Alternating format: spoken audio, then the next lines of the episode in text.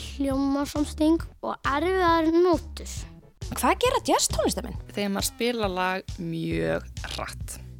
Með mjög góðum söngkonum sem er í, frá því gamla daga. Cool jazz. Trompet. Kontrabassi. Spuna sóló. Svolítið rúsinan í pilsöndunum sko.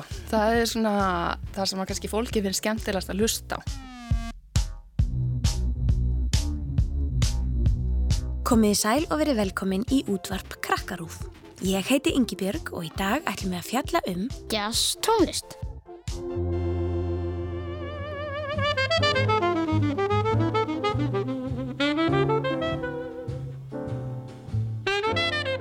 hvað er jazz tónlist? Hvað þýðir eiginlega að taka sóló yfir standard með kompi? Hvenar var jazz tónlist til? Og hvað er skattsöngur?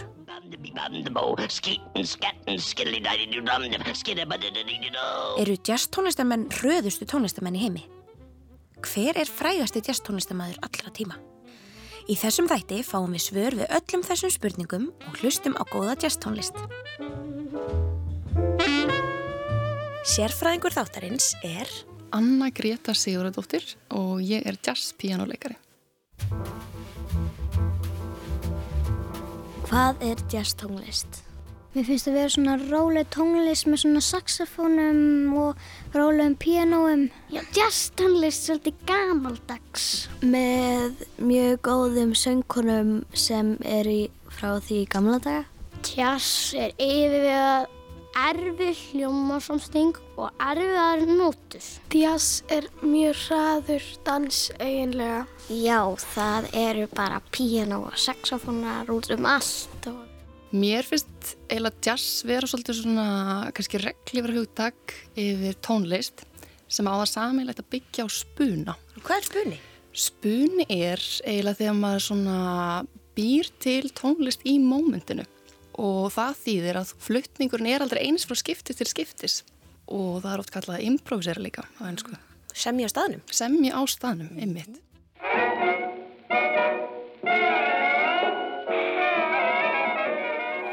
Hvenar varð jazz til?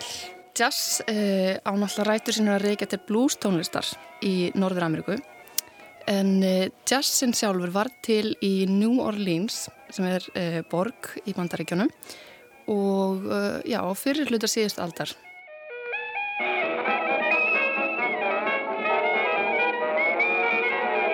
Hvað er sérstakt við jazz? Ég myndi segja fyrst og fremst spunin. Það er náttúrulega margar undirgreinar í jazzinum en uh, svo að maður lítur kannski að hefðbundin jazz uh, þá er kannski oft verið að spila yfir þessi lög sem maður kallar jazzstandarda. Standard þýðir á ennsku eiginlega bara venjulegt og þannig þetta eru kannski þessi svona venjulegu, venjulegu jazzlög. Frægustu jazzlögin. Frægustu jazzlögin en þessi lög sko þau eiga rætur sinna að rekja til bandaríkjana söngleikja þar á hérna, fyrir luta síðust aldar og jazz tónlistamenn þar í bandaríkjanum tilenguð sér þessi lög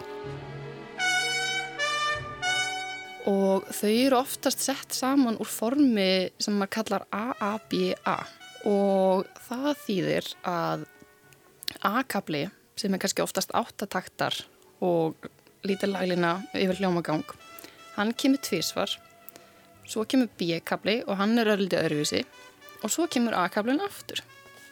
Og þetta form er einmitt eins og við vorum að segja, kannski ákveðin beinagrind eða grunnur uh, fyrir þú veist uh, fyrir lægið eða fyrir spunan þannig uh, maður spila sér satt læginu einu sinni A-A-B-A og svo taka allir sóló þú veist, kolla kolli yfir þetta form og svo er læginu að spila aftur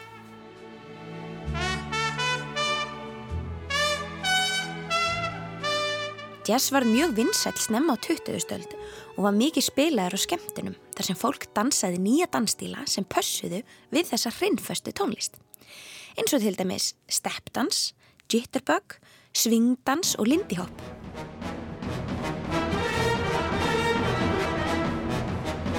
Þá voru oftast lifandi hljómsveitir með eða án söngvara sem spiliði á skemmtustöðum, stórum sem smáum og fólk dansaði með.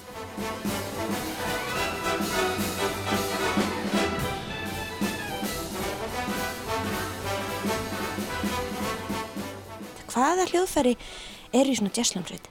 Piano, saxofón, bassi, lúður, óbó, trompet, saxofón, kontrabassi. Já, það er yfirleitt sko eru trommur, bassi, píanóða, gítar, svona grunnurinn.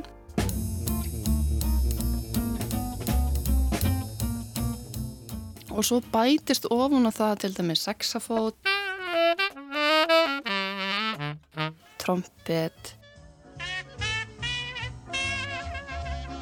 eða básuna. Svo stundum jafnvel vibrafót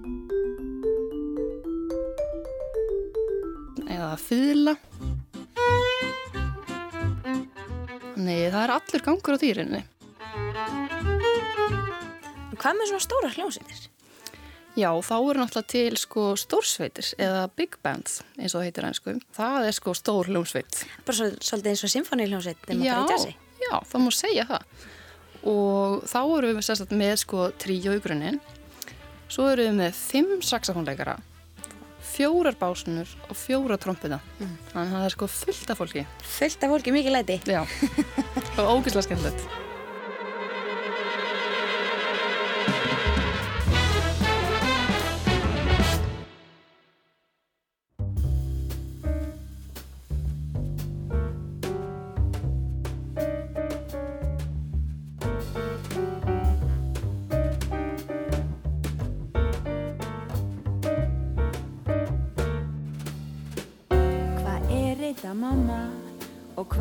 Hvernig þá? Elsku mamma, nei sko mamma og mamma má ég sjá Hvað gerir þessi kall?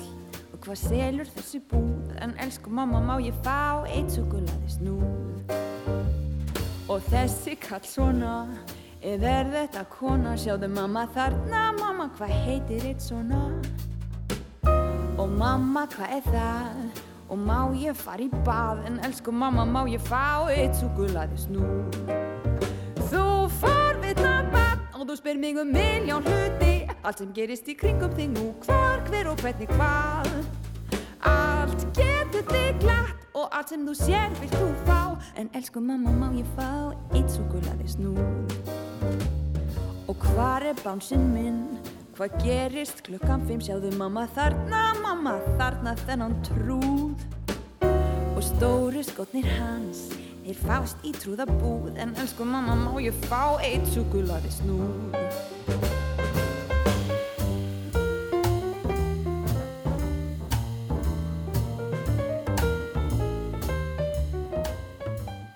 Segðu okkur hans frá sjálfur þér, hvernig fórst þú út í að vera jazzpjónleikari? Já, uh, ég er svo satt, ég byrjaði að spila píano þegar ég var 8 ára gömul og uh, var svolítið svona að spila klassík og eitthvað svona. Svo er þess að pappi minn er jazztónlistamæður og svo fór hann að sína mér alls konar plötur og eitthvað og ég bara, ég hreifst alveg af þessu og uh, byrjaði þar alveg sjálf að hlusta sko.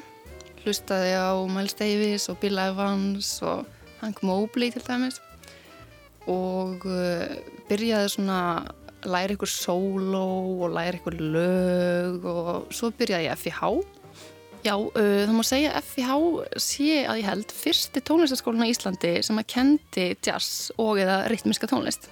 Hvað er rytmisk tónlist? Já, ég held að rytmisk tónlist sé kannski svona yfir hugtak, yfir þess að þá kannski jazz og pop og rock. Þú veist, allt sem er kannski ekki klassisk tónlist í rauninni. Hvers vegna spilar þú jazz? Í fyrsta lagi myndi ég bara segja að það er ógeðslega skemmtilegt. Það er einmitt svo, þetta er svo lifandi starf sko og þetta er svo lifandi tónlist. Þú veist, hún er aldrei eins frá skiptis til skiptis og þú veist aldrei í rauninni hvað er að fara að gerast. Þú veist, þó ég sé að spila með fólki sem ég spila með hundra sem áður og við sem ég að spila sama efni og við spilaðum í gær, þá veit ég samt að tónleikarnir verð ekki eins, þú veist, og það er einhvern veginn það sem er spennan í því sko. Hvernig æfum maður sig í jazzi? Það er góð spurning og ég er bara alltaf að hérna, læra meira og meira um það sjálf sko. En uh, ég myndi segja besta æfingin er að spila með öðrum. Er að spila, sagt, til dæmis æfa sig að spila jazzbandarða með öðrum og æfa sig að taka sóló. Hver eru svona góð ráð til að taka sóló í fyrsta sinn? Er þetta ekki svolítið Svona er ekki sumir svolítið hrættir þegar þeir eru að byrja að spila svona. Jú, einmitt og ég er náttúrulega líka sko og maður er ennþá oft svolítið hrættur, þú veist. Allt í hennu fara maður alla aðtikluna sko. Og maður gera eitthvað svona sem maður veit raunir ekkert hvað maður ætlar að gera. Já, en það er einmitt það sem er kannski svo skemmtilegt að vera jazztónlistamæður, að þú veist aldrei hvað er að fara að gerast og uh, það gerist alltaf eitthvað nýtt sko. Og það fyrir eftir í kannski hvernig þú ert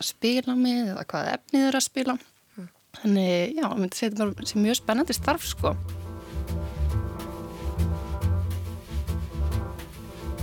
Hvað gera jazz tónlistamenn?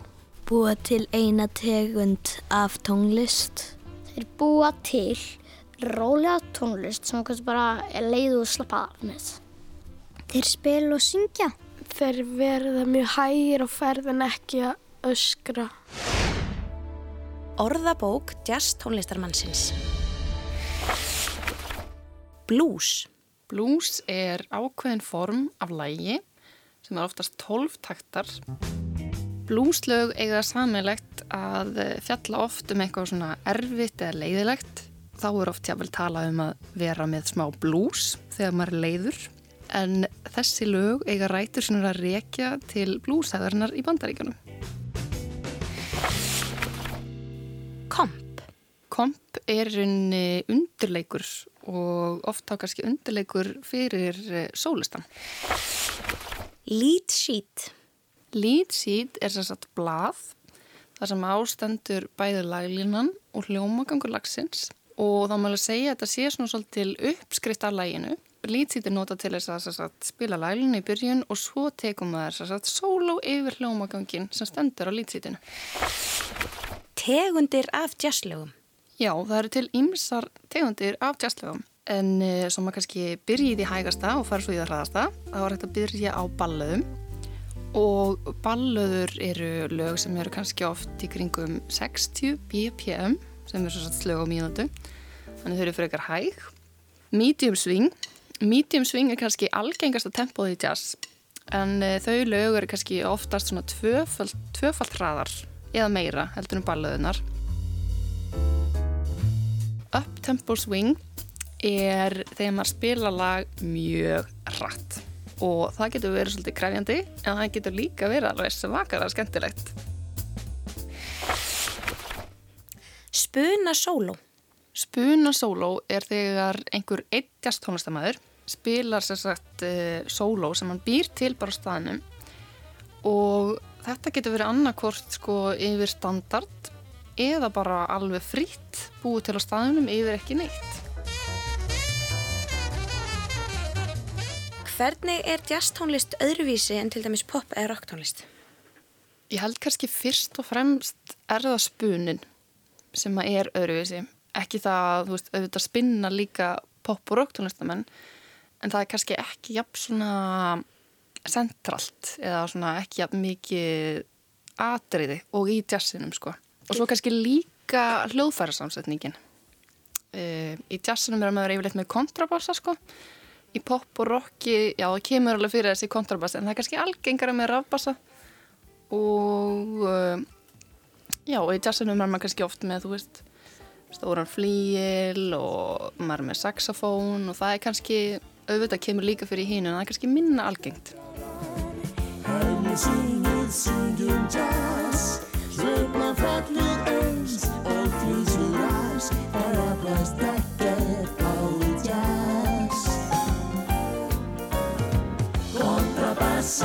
Trommur, brass Piano og rámur, treð og sax Það flest ekkert á í jazz Dæmi um jazz tegundir. Bebop.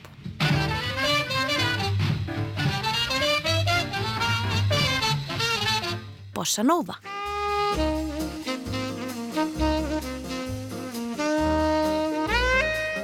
Cool Jazz.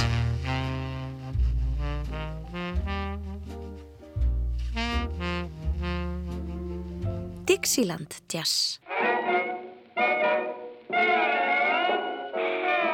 Free Jazz. Swing.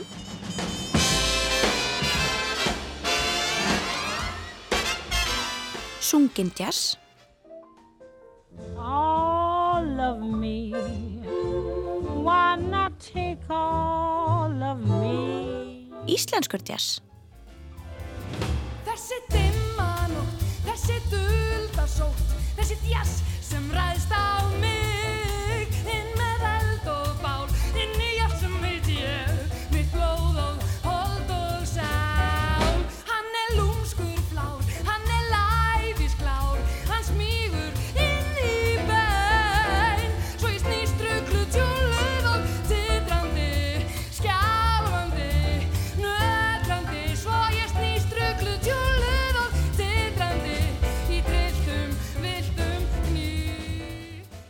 Hverjir eru frægustu jazz tónlistamenn í sögunni? Já, það var náttúrulega mjög margir en uh, mér dættu kannski hug Miles Davis. Hann var hérna trompetleikari og uh, já, hljómsveita stjóri um að segja svo leis uh, leiti svo sagt mjög fræga kvartetta og var svolítið svona brautriðjandi bara í öllum þessum mismunandi undirgreinum jazzin sko bæði bebopinu og svo í fusioninu og þú veist, og hann held á, alltaf áfram að vera nýskapandi Hvað er fleiri? Já, til dæmis Ella Fitzgerald hún hérna uh, er ótrúlega flott uh, söngkona og alveg einstakur skattari Það er ymmið það sem ég langar að spyrja þér. eða það ekki? Jú, skatt. Hvað er það? Já. Ég hef heyrt um skatt þegar maður talar um svona að borga peningum. Það er að borga skatt af peningunum sínum. Svo allt í nú kemur þetta var líka í jazz tónlist. Hvað er skattsöngur? Já, skattsöngur er svo sagt uh, þegar söngvarinn eða söngkonan improvisera sóló og uh, það er ótrúlega skemmtilegt og Ella Fitzgerald var einmitt algjör meistar í því sko og þá syngja þau svona í svolítið fyndnum orðum, þú veist, dooby-dooba eða shooby-dooby-day og sumir segja að þau séu svolítið svona herma kannski eftir hljóðun í trompet eða saxofón þegar þau er að syngja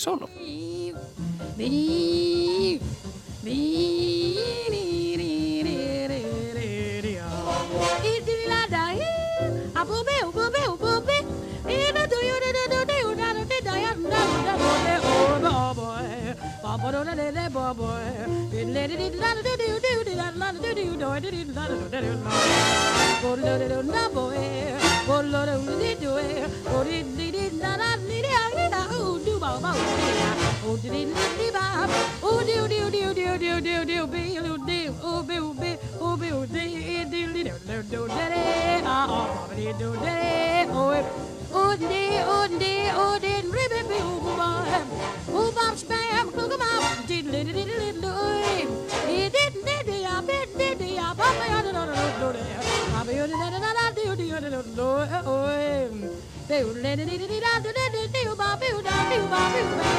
I'm just a lonesome in the.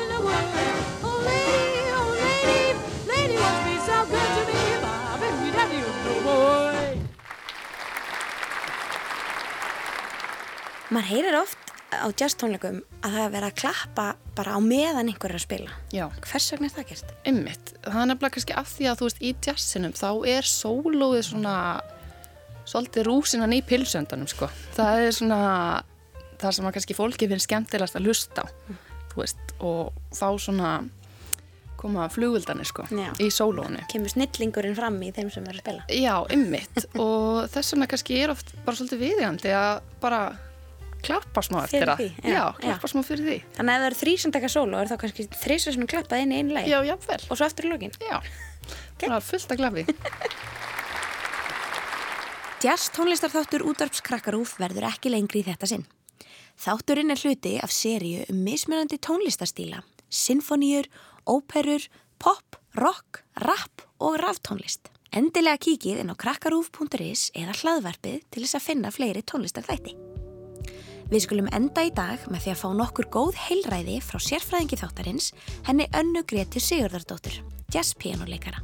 góð ráð fyrir þann sem vil kynna sér jazztónlist eru held ég fyrst og fremst uh, bara hlusta á jazztónlist uh, hlusta á plötur og kannski ekki síður að fara á tónleika og hér á Íslandi er hægt að fara tónleika til dæmis á Keksinu, það er hægt að fara á Múlan það er hægt að hlusta á Stórsviti Reykjavíkur. Það er fullt að jazz að gerast út um allt og það er skemmtilegt að hlusta á jazz af því hann er alltaf, þú veist, hann er svo lifandi og þess vegna einmitt myndi ég kannski hvetja fólk til þess að fara og sjá hann gerast í mómentinu